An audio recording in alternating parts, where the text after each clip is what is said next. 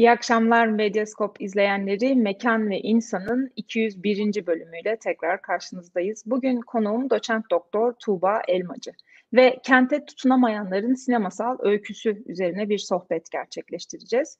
Gazanfer Kaya ve Aziz Şeker'in editörlüğünü yaptıkları ve Nika yayınlarından çıkan Dert Yükü Mekanlar, Kentlerin Yeni ve Eskimeyen Sorunları başlıklı kitabımızın yayınlandığını daha önce de duyurmuştum. Tuba Hocam da bu kitaba Kente Tutunamayanların Sinemasal Öyküsü Göç Sineması başlıklı makalesiyle katkıda bulunmuştu.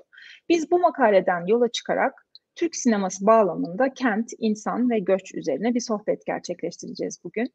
Ben hemen konuğumu tanıtayım ardından sorularımla bu çalışmanın ve göçle e, Türk sinemasının ilişkisini birlikte e, anlamaya çalışalım. Tuba Hocam Çanakkale 18 Mart Üniversitesi Radyo Sinema Televizyon bölümünde doçent olarak çalışıyor.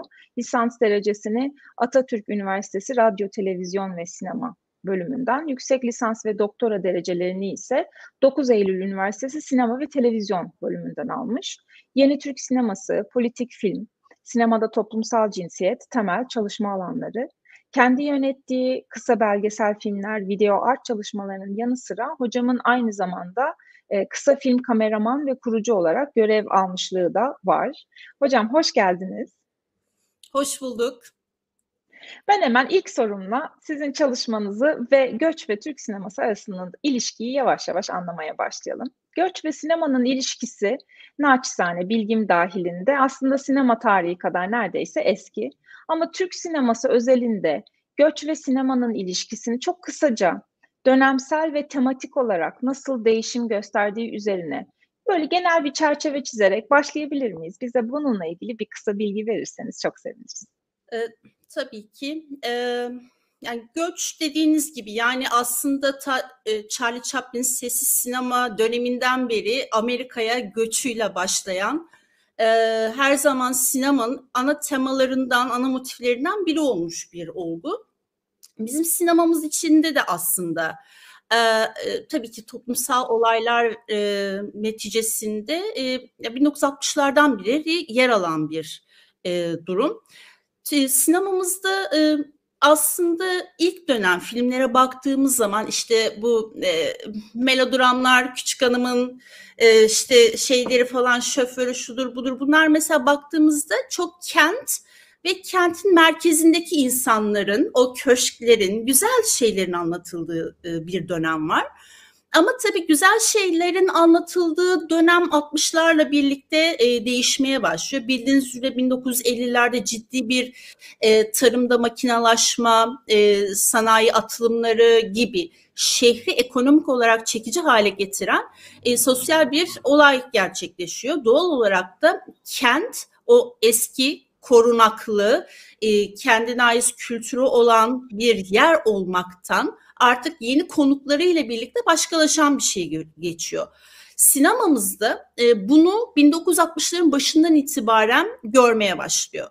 E, çünkü deneyimledikleri kent başka bir kent e, ve e, daha doğrusu içinde yer aldıkları kent başka bir kent olmaya başlıyor ve insanlara sadece bunun bir yüzünü e, gösteren o kısır sinema içerisinde bazı yönetmenler başka şeyler söylemek istiyor.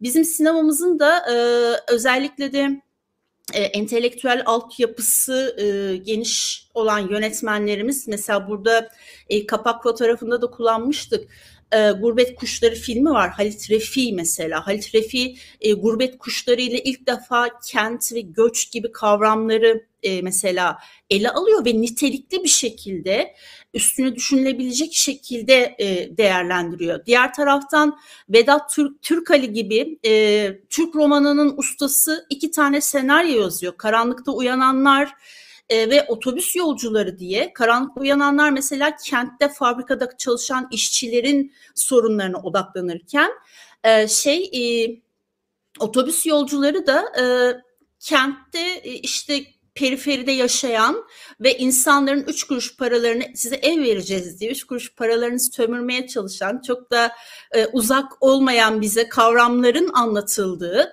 e, e, işte alt kesimlerin dayanışması üzerine filmler. Mesela bunlar 60'larda aslında başlıyor. Ama neden çok gelişemiyor sinemamızda? Çünkü o dönem için e, bu filmler sakıncalı kabul ediliyor e, sansür kurulu var. E, yoğun bir sansür kurulu var. Türk sineması sansürden gerçekten çok çekiyor. Bu yıllarda da çok çekiyor. Aslında 61 Anayasası'nın sağladığı özgürlükçü e, düşün iklimi sinemamıza biraz geç geliyor. Yani aslında onun yarattığı bir şey var ama e, sansür mekanizmasından ve sansür kurulundan maalesef e, sıyrılamıyor. Özellikle de mesela Bitmeyen Yol var Duygu Sağroğlu'nun 1965'te bu e, gurbet kuşlarından sonra çekilir. E, yoğun bir e, sansür uyguluyor. İki kere sansürden red diyor film. Nedeni de şu, e, Türk köylüsünü sefil gösteremezsiniz diye. Yani Türk köylüsünü sefil gösteremezsiniz kavramıyla artık hani sansürle nasıl uğraşılmaya çalışıldığını çok net görüyoruz. Bu ilk dönem tabii ki iç göçün böyle yoğun olarak gösterildiği bir dönem. Daha sonra hani daha kısa bir özet geçersem hani belki daha sonra detaylara geçeriz. Çünkü bu filmler gerçekten kent ve kent periferileri üzerine şu gün bile hani e, görmediğimiz gerçekçi sahneler içeriyor. Bu iç göç filmleri e, ünlü yönetmenlerimiz Lütfü Kadın falan da e, çok e, şey e, merkezine aldığı şeyler. İşte gelin ve düğünde bunu yapıyor. Tabii 60'lar başka bir şeyin de getirisi, başka bir göç olgusunun da getirisi sizin bildiğiniz gibi Almanya'ya işçi göçü başlıyor. Hatta çok ilginçtir bu iç göç filmlerinde e, iç içe geçmiştir göç kavramı. Düşünün insanlar taşradan kente geliyor e, kentte de aradığını bulamıyor. E, Canım Kardeşim filminde hatırlayın Tarık Akan e, kardeşini kurtarmak istiyor. Periferide çok yoksullar ve orada hala bir şeyler doldurup Almanya'ya gitmek istiyor. Yani o kadar tutunamayan insan öyküsü var ki iç içe geçiyor ve bu dış göç e, konusu başlıyor. Tabii dış göç de e, buradaki aileler üzerinde, buradaki insanlar üzerine müthiş bir e, ne diyelim travma yaratan bir süreci de getiriyor. Aileler parçalanıyor, kültür çatışmaları oluyor. E, kent kentle ilgili daha farklı yani düşünün Anadolu'nun taşrasından çıkıp e, dünyanın en merkezi kentlerin, en gelişmiş kentlerine giden insanların yaşadıkları o e, modernizm çatışması, gelenek modernist çatışması içerisinde kaybolan kimlikler bunlar da mesela bizim sinemamızın o dönemki merkezinde yer alıyor ama mesela sansür bunlara çok müdahale etmiyor. E, çünkü bu filmler e, daha gelenekçi bakıştan e, insan olmanın, e, Türk olmanın e, öz değerlerine inen e, şey anlatılar oldukları için sansür mekanizması için çok sakıncalı filmler kabul edilmiyorlar göçteki gibi. Daha sonra tabii biz bu şeyde mesela arabesk filmler de başlıyor biliyorsunuz. Aslında biz onları böyle göç filmi kategorisinde ya da kent e, içerisinde ayrı olarak tasniflendirmiyoruz ama sinema yazarlarından bazıları gece kondu sineması diye bir e, şey de üretiyorlar. Çok da denk gelmişsinizdir belki ama ben o konuda açıkçası mekanın bir e, sinemasal tür olarak e, organizasyonda bir sıkıntı görüyorum. Çünkü gece kondu sineması sadece e, yani gece konduyu mekan olarak alması bir anlam üretmiyor o filmlerin. Çünkü bazıları arabesk filmler. Arabesk filmlerin tutunuşu ve anlatıları çok farklı. Az önce söylediğimiz Gelin Düğün gibi daha toplumcu gerçekçi anlayışla çekilen filmlerin anlatıları çok farklı. Yani böyle elmalarla armutlar biraz karışıyor bizim sinema tarihi yazımında. Öyle şeyler de var. Ama e, bizim tabii ki arabesk filmler özellikle kent, e, kent periferileri biliyorsunuz arabesk bir dolmuş müziği, o aradaki şeyin taşıyıcılığı ve onun gerilimi bizim sinemamızda da çokça şey yapılıyor. Mesela aslında ilk kentsel dönüşüm filmi gibi düşündüğümüzde Sultan filmini hepimiz biliriz Türkan Şoray'ın. E, baktığınız zaman sinemamızın en gerçekçi yaklaştığı e, kentsel dönüşüm filmidir. E, rant filmidir aslında. Doğru. Rant filmidir. E, ve oradaki replikleri falan hatırlarsanız bu işte e, çarıklıları ben getirdim yani ve ben götürürüm diye müteahhitlere söz veren e, insanlar vardır ve o çok şeydir. Yani bu 70'lerin ortasında gördüğümüz çok böyle e, gerçekçi filmlerden biridir. Biz böyle e, bir komedi gibi şey yaparız, izleriz ama gerçekten iyi, sıkı bir toplumcu, gerçekçi e, bir eleştiri filmidir. E, bu filmler hep iç göç, Almanya dış göçü gibi iki ana şeyde kolda 80'lere kadar geliyor. 80'lerin sonuna kadar da gel, gel, geldiğini söyleyebiliriz. Bizim Türk sinemamız 70'lerin ortasından neredeyse 90'lara kadar ciddi bir duraklama ve ciddi bir erozyon yaşıyor. Bu tabii çeşitli nedenleri var. Türkiye'nin geçtiği meşakkatli süreçlerin de çok etkisi var. 80'lerde çünkü sadece elimizde arabesk filmler ve e, kadın filmleri dediğimiz e, çok da sansüre takılmayacak filmler ilerliyor. E, bu dönemde biz çok böyle nitelikli hani kent ve kent anlatılarına ilişkin filmleri çok görmüyoruz. Yani orada daha çok işte arabeskin o irasyonel dünyasını görüyoruz kente e, bir anda geliyor ve irasyonel bir dikey hareketlilik yaşıyor. Bir şarkıcı oluyor, ünlü bir şarkıcı oluyor, parayı buluyor falan. Hani e, hatta Onat Kutlar'ın mesela bu arabesk filmlerle ilgili bir lafı vardır. Ben e, çok derslerde de e, aktarırım.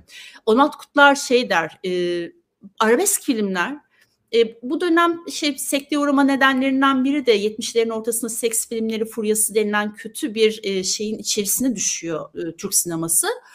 Şey der, arabesk filmler e, seks filmlerinden daha zararlıdır. Çünkü hani biri insanları en azından hani anlık olarak rahatlatır ama arabesk filmler insanlara e, umutsuzluğu, irasyonel çözümleri vaat eder ve bu gerçekten de hani toplumların ilerleyişini, bireylerin ilerleyişini daha hastalıklı bir sürece iter der.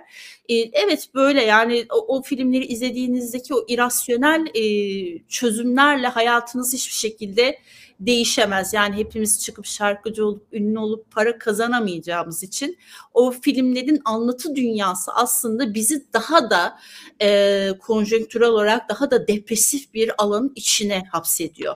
Onat Kutlar da bunu mesela eleştiriyor bu dönem için. Biz e, 90'larda başka bir şey görmeye başlıyoruz. Ben zaten bu e, çalışmada da bu arada bu çalışmaya bakanlar kesinlikle e, benim yaptığım e, burada bir şey var e, ne diyelim bir şema var. Bu şema kesinlikle sosyolojik bir şema değil.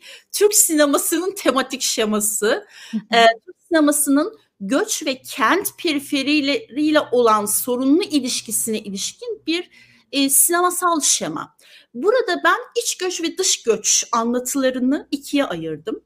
Ve e, iç göçü e, bu şekilde özellikle öncelikle e, ekonomik bir iç göç, diğer taraftan da zorunlu iç göç olarak ayırdım. 90'larda işte zorunlu iç göç meselesi başlıyor. Şimdi diğeri diyeceksiniz ki ekonomik göç nasıl istekli bir göç? Yani evet e, bu sizin daha farklı bir hayat standardı için, daha müreffeh bir hayat için e, bir yere gitmeniz demek. Yani e, bu çok hani zorunlu en azından kavramsal olarak zorunlu bir göç olarak değil. Ama e, işte 90'lı yıllarda yaşadığımız e, Güneydoğu'da ve Doğu Anadolu'daki e, terör faaliyetleri ve de e, baraj yapım faaliyetleri ikisi de e, oradaki e, insanlar üzerinde travmatik çünkü zorunlu olarak köylerini boşaltmak zorunda kalıp zorunlu olarak bir yerlere gitmek durumunda kaldı bu insanlar ve biz bunu anlatan anlatılarla karşılaşmaya başlıyoruz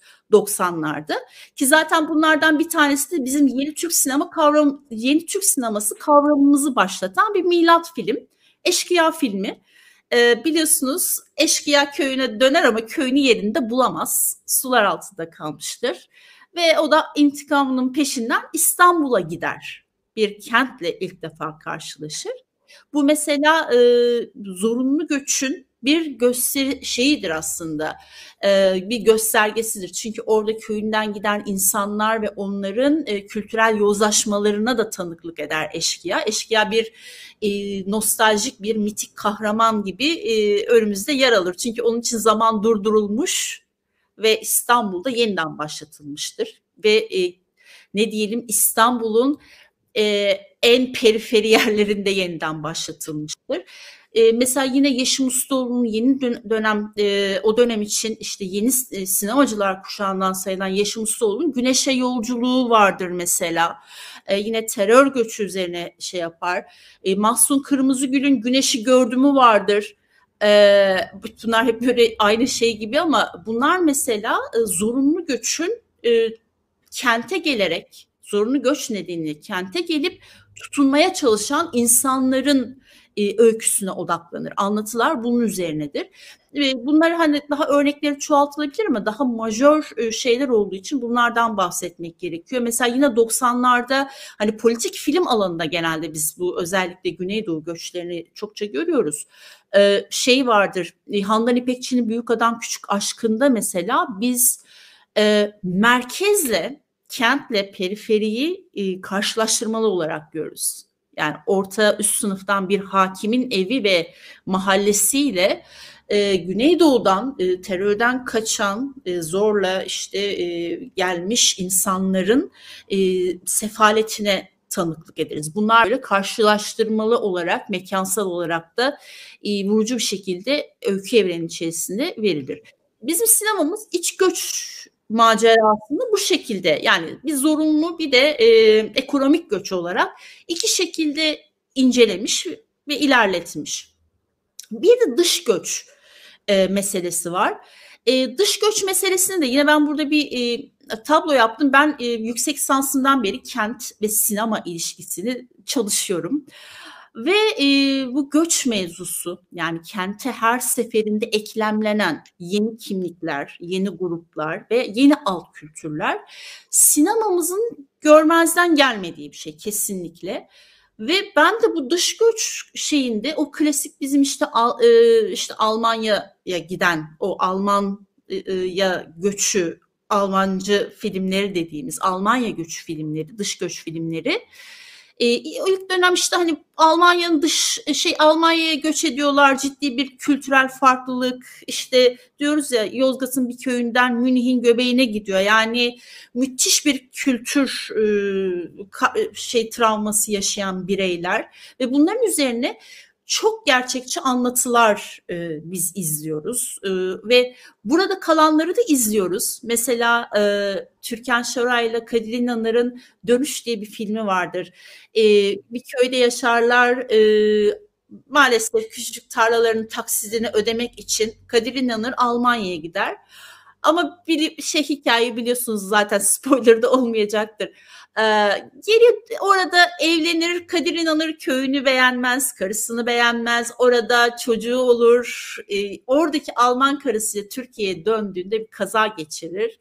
Ee, oradaki zavallı kadın Türkan Şoray onların çocuklarını alır falan böyle yani müthiş e, trajediler, müthiş trajediler üzerine ikili anlatılar vardır. Oradakilerin e, yaşamlarının ağırlığı, insanlık dışı koşullar, e, kendilerine e, işte alt e, iş kollarında bulmaları falan. Bunlar Alman e, e, işte bu dış göç filmlerinin temelini oluşturan anlatılar. Bu motifler genelde böyle ikili. Ya Türkiye'deki e, kalanların trajedisini anlatıyor ya da oradakilerin karşılaştıkları zorlukları anlatıyor.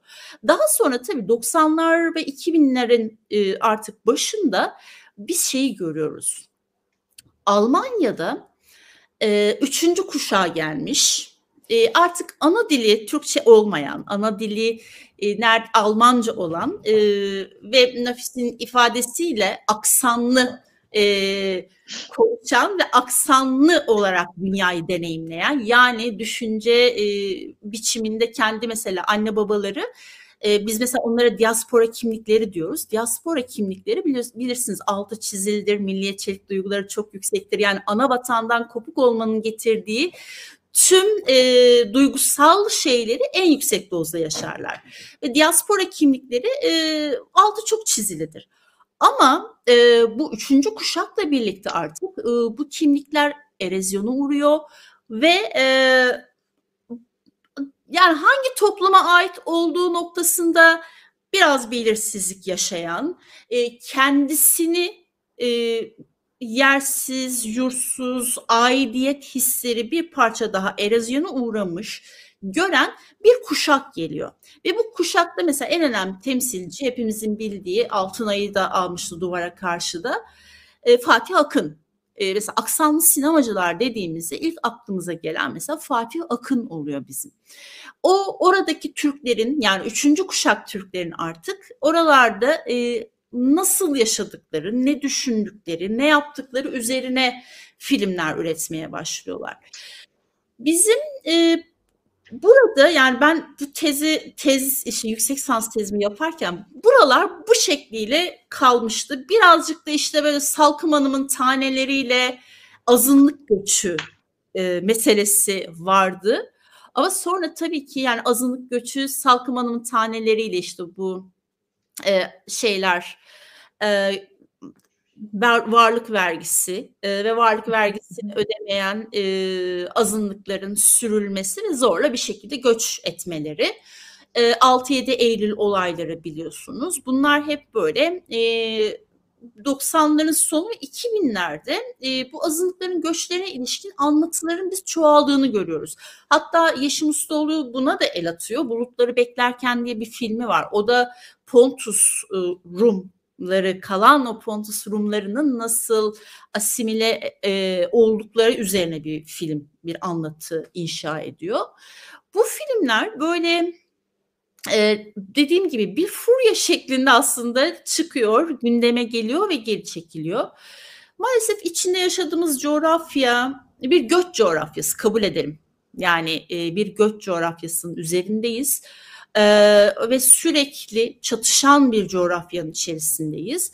E, yani daha düne kadar Suriye göçünden, Suriyeli mültecilerden bahsediyorduk. E, herhalde üç hafta mı oldu? Bir ay olmadı bile. Bir belki. ay oldu. Oldu hocam bir ay yani neredeyse. bahsediyoruz. Ukraynalı değil mi mültecilerin hangi ülkelere kabul edileceği işte ülkemize de e, misafir edildiler yani bu diyorum ya yani e, bu böyle hep uzayacak. Maalesef eklemlenecek. Anlatılar olarak devam ediyor. Ben de bu çalışmaya mesela Suriye göçünü eklemiştim. E, çünkü e, bildiğiniz üzere yaklaşık olarak e, bir 8-10 yıllık bir birlikte yaşama deneyimi, bir göçle birlikte birlikte yaşama deneyimi artık gelişti. Mesela Suriyeli e, mültecilerle ilgili bu arada yani düzenli göç edenler, düzensiz göç edenler e, ama filmlerin anlatılarının merkezinde tabii ki e, düzensiz göçerler var. Çünkü düzensiz göçerler gerçekten dramatik hikayelerin kahramanlarına dönüştüler. E, ve realitede sürekli biz bunu gördük ve sinemada da çok yani bu kısa sürede ona yakın bir film tasniflendirdim ben e, bu şeyle Suriye göçüyle ilgili.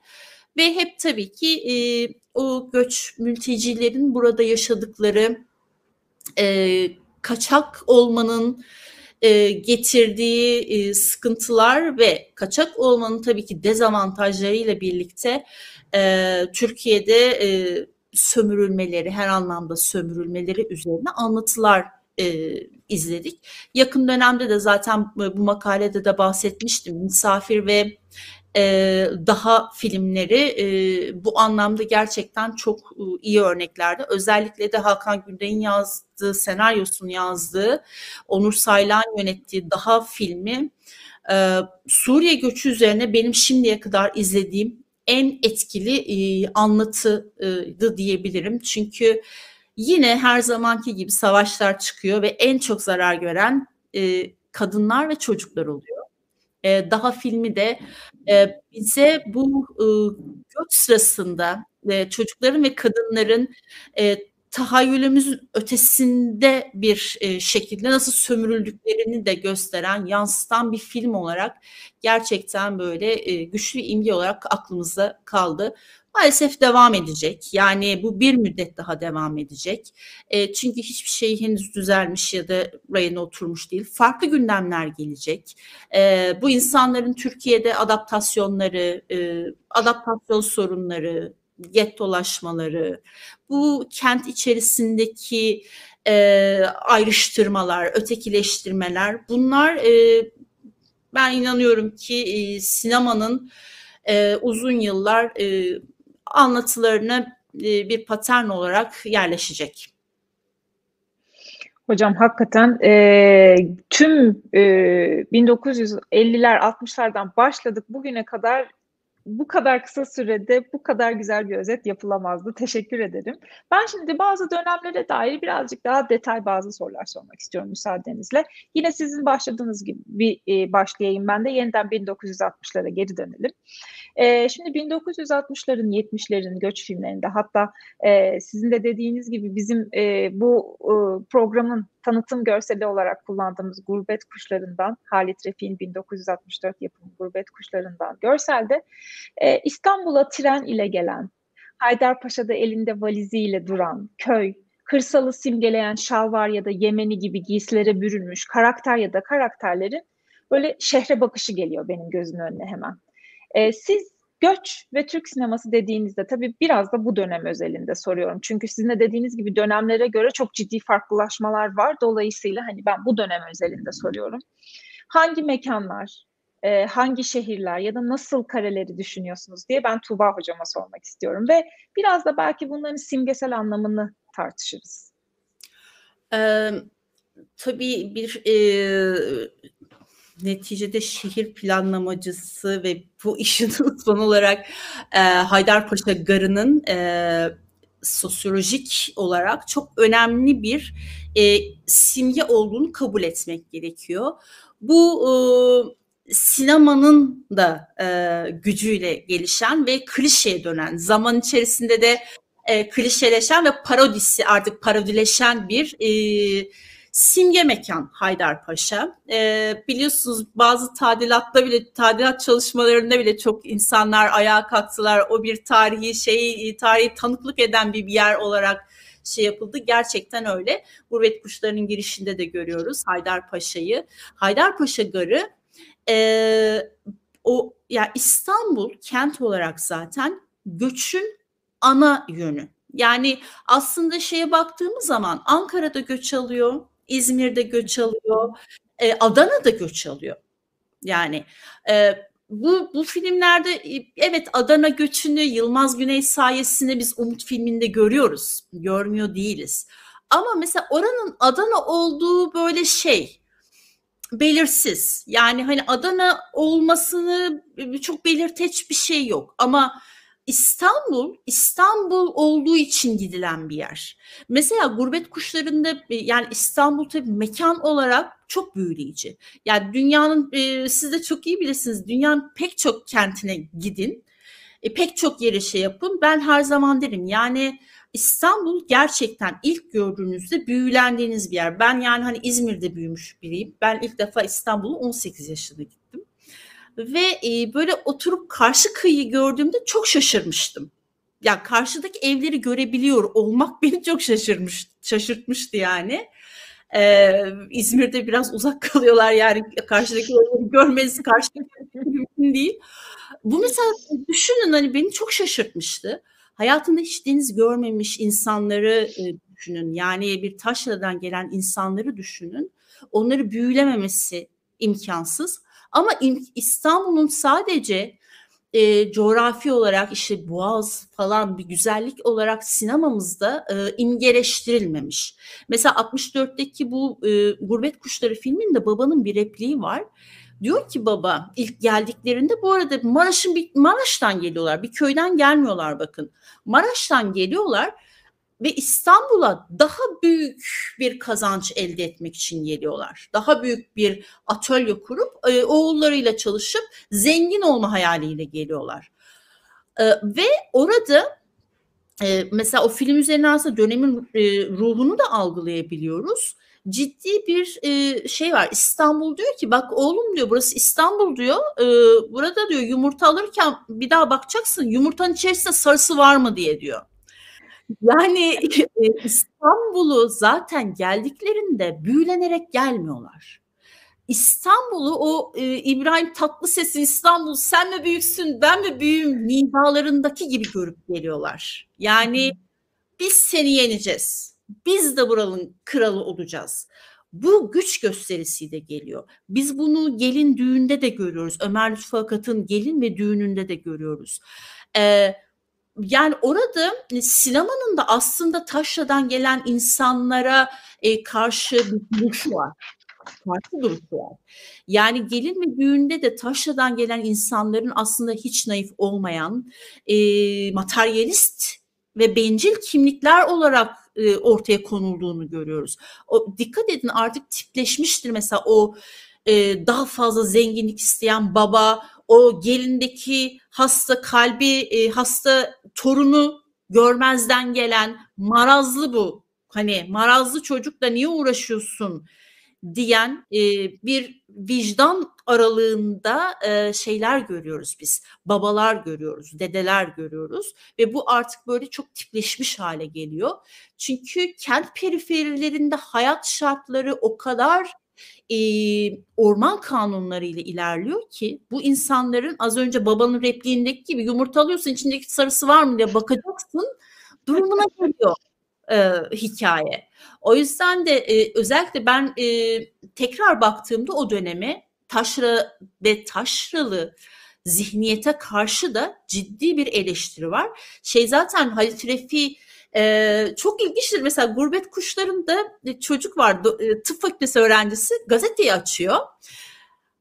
Gazetede ya çok komik şeyler falan var. Yani Almanya'ya göçler var. İşte okumuş çocuklar göç ediyor. 60'lardan bahsediyorum Beniz hocam. Yani beyin göçü aynı şeyler. Değişmiyor. Ülkede hiçbir şey değişmiyor yani. Gazete iki şey var. Yani ama mesela baba ne diyor biliyor musunuz? Baba diyor ki biz diyor Türkler diyor göçer toplumuz oğlum diyor. Bizim içimizde var göçmek diyor. E, bunlar da diyor e, bu ruhla hareket ediyorlar diyor. E, sen bakma diyor o e, doktor çocuklar da diyor oraya diyor e, Türklerin diyor ne kadar zeki olduğunu gösterecekler diyor. Onlar diyor bu ülkenin evlatları bu ülkeyi temsilen gidiyorlar diyor. Böyle bir şey yok diyor burada diyor işte işsizlikmiş şuymuş buymuş falan diye böyle ve çok e, şey e, ne diyelim e, Halit Refi bu düşün şeyiyle de böyle bir şekilde dalga da geçiyor yani. Hani o ikilemi gerçekliği e, gördüğümüz bir şey bizim. Ya mesela e, şeyde falan da vardı bitmeyen yolda mesela öyle sahneler var ki sanki zannedersiniz bisiklet hırsızlarını İtalya'daki bisiklet hırsızlarını seyrediyorsunuz hamballar, çocuk işçiler, ağır e, metal işçileri falan böyle yani bir anda böyle şeyi görüyorsunuz. Yani gerçekten İtalyan yeni gerçekçiliği hani ol şey içinde olsa bu yönetmenler duygusal rol falan bu kadar güzel çekebilir. Zaten sansür kurulu bunu yasaklıyor. Diyor ki ya bu ülkeyi de çok sefil gösteriyorsunuz diyor bu işçileri de çok sefil gösteriyorsunuz diyor. Ve bu yüzden mesela film iki kere red diyor sansürden. Bunlar e, gerçekten hani o dönemi ve o dönemin bakışını e, özetleyebileceğimiz e, şeyler filmler. Dediğim gibi yani taşraya bakış hiç de böyle zavallı sömürülen o ilk dönem için konuşuyorum tabii ki. Zavallı sömürülen insanlar bakışı dan ziyade e, kendi sömürmeye gelen taşralılar bakışı var bu filmlerde. kendi bozuyorlardı. Orada Filiz Akın var. İşte tıp fakültesinde e, çocuk o kö, işte Maraşlı ailenin çocuğu tıp fakültesinde kendisi de orta üst sınıfa ait bir ailenin kızı. Ay diyor bu köylüler diyor bu ülke, buralara gelip diyor buranın kültürünü de bozuyorlar diyor. Nefret ediyor ben bu köylülerden diyor. Çocuk kendini saklıyor yani köylü ve taşralı olduğunu saklıyor. Hani burada e, tabii kentli ve köylü taşralı arasında da ciddi bir çatışma var. İki taraf da birbirini aslında e, çok kabullenmiyor başta ama Halit Refi filminde bir arayol buluyor. E, Maraşlı aileye zengin aile bir parça destek olup memleketine gönderiyor ama bakın memleketine gönderiyor Maraş'a gönderiyor. Hocam şimdi e, bir sonraki aslında tabii e, bu hani iç göçün de tabii kendi içerisinde sizin de biraz önce anlattığınız o süreç içerisinde değişiyor ve bakış açısı da değişiyor ama ben buradan Almanya'ya geçmek istiyorum. Almanya'ya verdiğimiz göç ve ondan sonraki gurbet temalı önce filmler. Ben e, Tevfik Başer'in 40 metrekare Almanya'sını bu bağlamda herhalde en etkileyen ve bazı sahnelerinin de yani olumsuz olarak hala gözümün önünden de silinmediği bir film örneğin. E, o e, yine kadın ve göç temasını çok dramatik bir şekilde aktardığını düşünüyorum çünkü o dönem için. Ama bir de yine mesela bu dönemin unutulmazlarından yine sizin kitabınızda da e, bu bölümün başlığı altında bahsettiğiniz Tunç Okan'ın otobüsü de var. Sonra dediğiniz gibi e, aksanlı e, e, yeni kuşak e, jenerasyon e, Fatih Akın e, gibi ya da benim aklıma e, Ferzan Özpetek geldi bilmiyorum doğru mu değerlendirilir bu kategoride e, ama e, onların gurbeti ve özlemi ele alışları da çok farklı. Siz ne dediğiniz sebeplerden tabii. Yani çünkü nerede yetiştiler ve ana dilleri artık Türkçe değil. E, aksanlı konuşuyorlar ve kültüre de çok farklı bir yerden bakıyorlar. Ben bu noktada e, gurbeti ve Türkiye'de duyulan özlemi ya da kültüre duyulan özlemi bu iki kuşak arasındaki kıyaslamanızı merak ederim doğrusu. Nasıl bir farklı değerlendirme var? Yani en çarpıcı farklılaşmayı nerede görüyorsunuz? Ee, tabii şimdi şöyle bir şey var. Biz dış göçün ilk dönemlerinde de mesela Lütfü Akat'ın gelin düğün diyetinde mesela e, şimdi şu konu çok net. E, bu göç meselesi ve kente bakış e, her zaman e, meta üzerinden yürüdü. Yani burada e, tabii ki yani tabii ki insanlar yaşayamıyorsa, geçinemiyorsa, e, hayatlarını daha iyi yaşam koşullarına ulaşmak için e, meta ile bir ilişki geliştirecek tabii ki ama e, bu filmlerde hep şu arada kal. Mesela diyette de öyle. E, o fabrikada daha çok çalışabilmek için işte kolu kesiliyor falan. Yani diyetini ödüyor. E, ve o, o ilk dönem Almanya filmlerinde insanlar e, insanlık dışı yaşam koşullarının içerisinde hayatlarını devam ettirirken 2-3 kuruş paralarını memleketlerine gönderme, ailelerine bakma e, üzerine e, ya da tabii ki bizim sarım mesela e, 80'lere geldiğimizde de 80'lerde artık bu o 60'lardaki en temel işte ailelerini geçindirebilme durumundan bir Mercedes alabilme durumuna evrilen tüm sefaleti o Mercedes için çeken insanlara eviriyor ve e, sarı Mercedes bunun en tipik sembolüdür. E, benim e, bu şey kategori içerisinde de mesela kesinlikle her zaman en beğendiğim şeylerden biridir. Yani e, bir yazıda da okumuştum. Sarı Mercedes mesela sarı Helga'ydı. O onu sahip hmm, olan. İçin mesela e, bir sarı Helga'ydı. Hiçbir zaman e, a, yani çok arzulasa da ulaşamayacağı bir kadın. Çünkü onun için öteki olan, e, hiçbir zaman arzulasa ulaşamayacağı bir kadın olan Helga'ydı. Ama bir taraftan da e, Türkiye'deki köylülerine gösterebileceği, e, havasını atabileceği bir e, gösteriş nesnesiydi ve onunla geliştirdiği bağ o kadar e, saplantılıydı ki İlyas Salman karakterini hatırlayın. Hı hı. Ya arabayı artık bir cenaze halinde köye getiriyor. Yani o kadar onunla kurduğu saplantılı bir bağ şey vardı ki bağ. Bu e, o insanların bir müddet sonra meta ile geliştirdikleri ilişkinin de öz eleştirisine dönüştü. E, sinemamız mesela peyderpey buna evrildi. O ilk dönemin ezilen e, işçilerinin yerine artık metaya tapan daha fazla ailelerini de daha fazla sömürerek e, işte bir e, meta kazanımı elde etmek için e, ne diyelim bencilleşen bir insan güruhuna evrildi bu anlatılar.